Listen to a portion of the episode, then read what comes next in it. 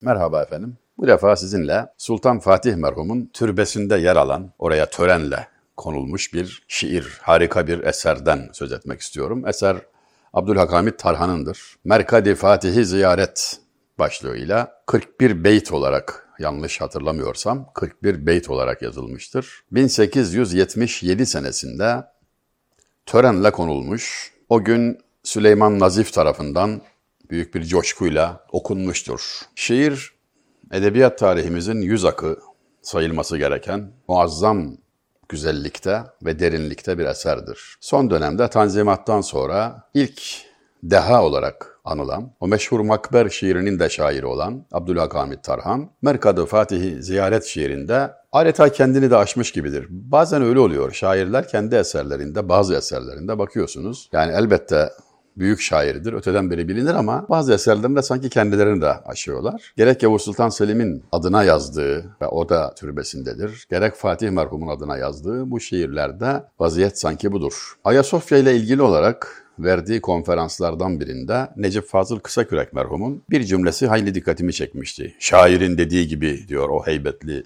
edasıyla, sadasıyla şayestedir denilse alem senin mezarın hala gelir zeminden tekbiri zarı zarın. Burada benim dikkatimi çeken şu idi. Necip Fazıl merhumun, büyük üstadın herhangi birinden övgüyle, bir hele bir şairden büyük bir övgüyle söz etmesi sık rastlanan hadiselerden değil. Dikkatimi bu çekti ve bugüne kadar fazlaca üzerine eğilmemiş olduğuma üzüldüm işin doğrusu. Her beytinde şimşekler çakan muazzam bir eserle karşı karşıya olduğumu gördüm. Aruz'un muazzam bir uygulaması, çok parlak bir şiir. Bir iki örnek beytine temas edelim. Şöyle demiş, yani ziyaret edildiği zaman yerinde de bakılsa iyi olur, bir hatırlatma olsun bu videomuzda. Şöyle diyor, her güşesinde dehrin, namı bekani sarın, şayestedir denilse alem senin mezarın. Her köşesinde dünyanın, zamanın, yani dehr zaman demek, bir bakıma alem demek, her köşesinde her yerinde onun kalıcı, senin kalıcı ismin vardır. İnsanlar seni hatırlar diyor Sultan Fatih merhuma. Bütün alem senin mezarındır denilse yeridir diyor. Kaldın cihanda bir an, her anın oldu bir devr.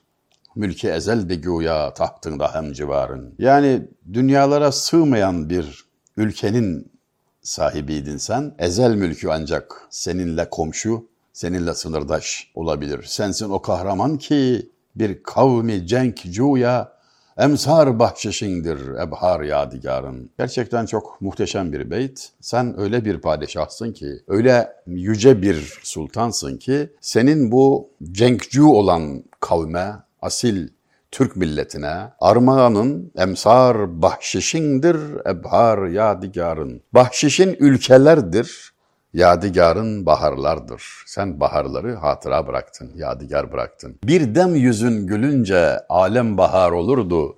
Misli küsuf herca zahirde iyi bir arın. Seni yüzün güldüğü zaman alemde bahar olurdu. Kaşlarını çattığın zaman her taraf adeta ay tutulmasına uğramış gibi kararırdı diyor. Yani bütün siyasi gücün, yeryüzünde en etkili siyasi gücün elinde toplandığı şahsi temsil etmek için kullandığı ifadeler cidden çok güçlü. Bir yıldırımdı nizan peyveste karı haka, bir burcu hak nümadır ermiş göğe menarın. Muhteşem bir benzetme yapıyor. Metaforları kullanışı cidden çok ilginç. Yani senin mızrağın yere çakılmış, yerin yedi kat dibine uzanan bir mızrak çaktın adeta, minarelerin de göğü yokluyor. Yani ucu sivri olan iki şey bir mızrak ile bir minare karşı karşıya getirilerek hem yere hem göğe eserlerini gönderdin diye bir benzetme yapıyor ki dediğim gibi metaforları yani imgeleri kullanış biçimi çok enteresan. Her dem sana açıktır ebbabı arşi rahmet, türbendir en azimi fethettiğin diyarın. Rahmet kapısı sana her zaman açıktır. Fethettiğin diyarın, ülkelerin en büyüğü türbendir.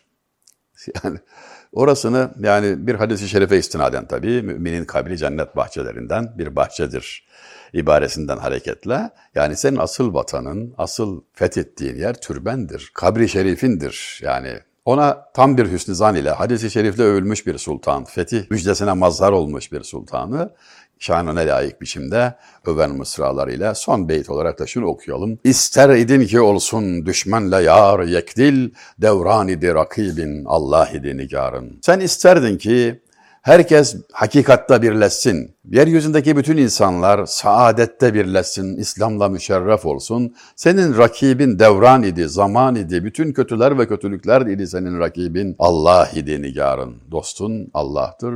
Hala gelir zeminden tekbiri zarı zarın. Necip Fazıl'ın da temas ettiği mısra.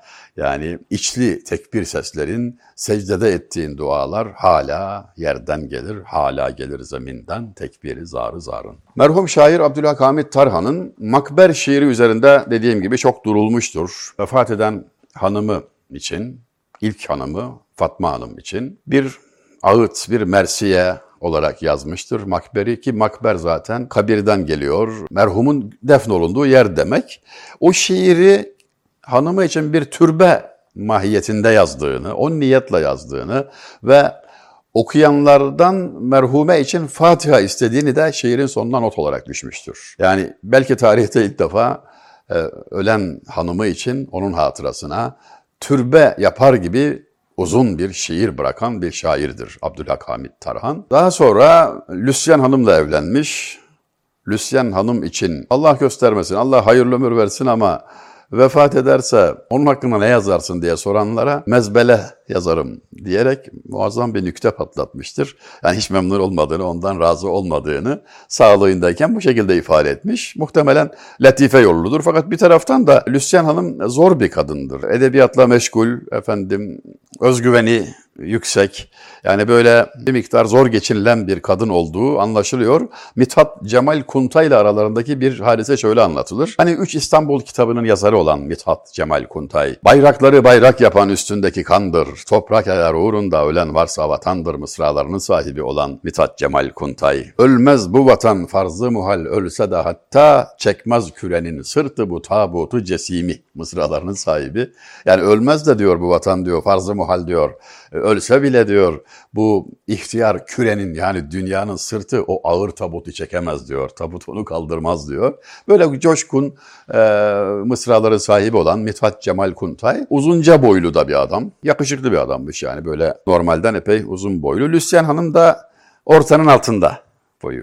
Hadi diyelim orta boylu. Ada vapurunda seyahat halindeler. İstanbul'dan Bursa'ya doğru gidiyor vapur. Ve denizin ortasına gelindiği zaman eğer mevsim müsaitse siz denizden e, puslu değilse hava Uludağ'ı görürsünüz. Ve tabi Uludağ'ın da başı her zaman karlıdır.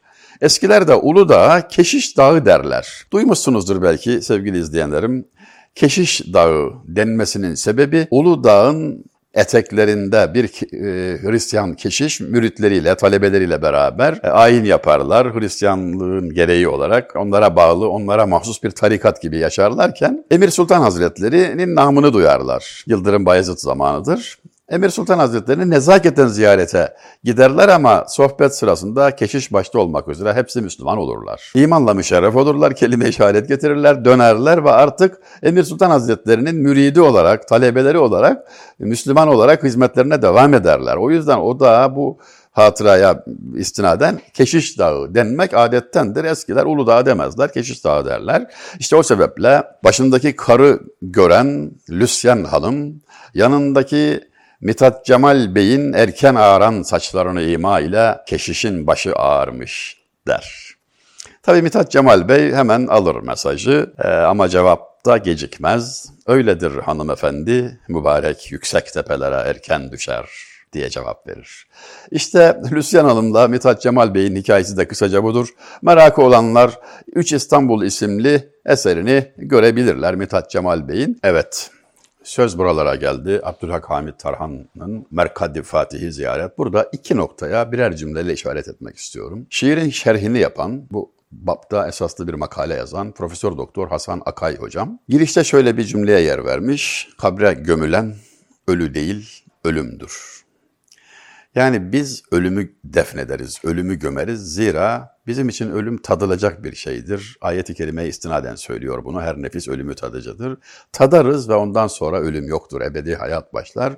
Bir hadis-i şerifte de kıyamete kadar her kim bana selam verirse selamı bana bildirilir.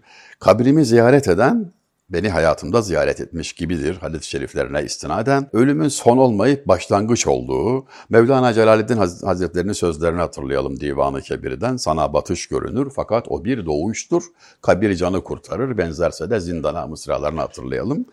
Bu atıfları yapıyor ve gayet dikkat çekici bir biçimde gömülen ölü değil, ölümdür. Nihayet Abdülhamid'in şiirinden son bir beytle kapatalım. Diyor ki, her azmin eylemişti tefsiri ayeti hak, Zahirdi nasiyende asarı çağrı yarın. Çok enteresan sevgili izleyenlerimiz.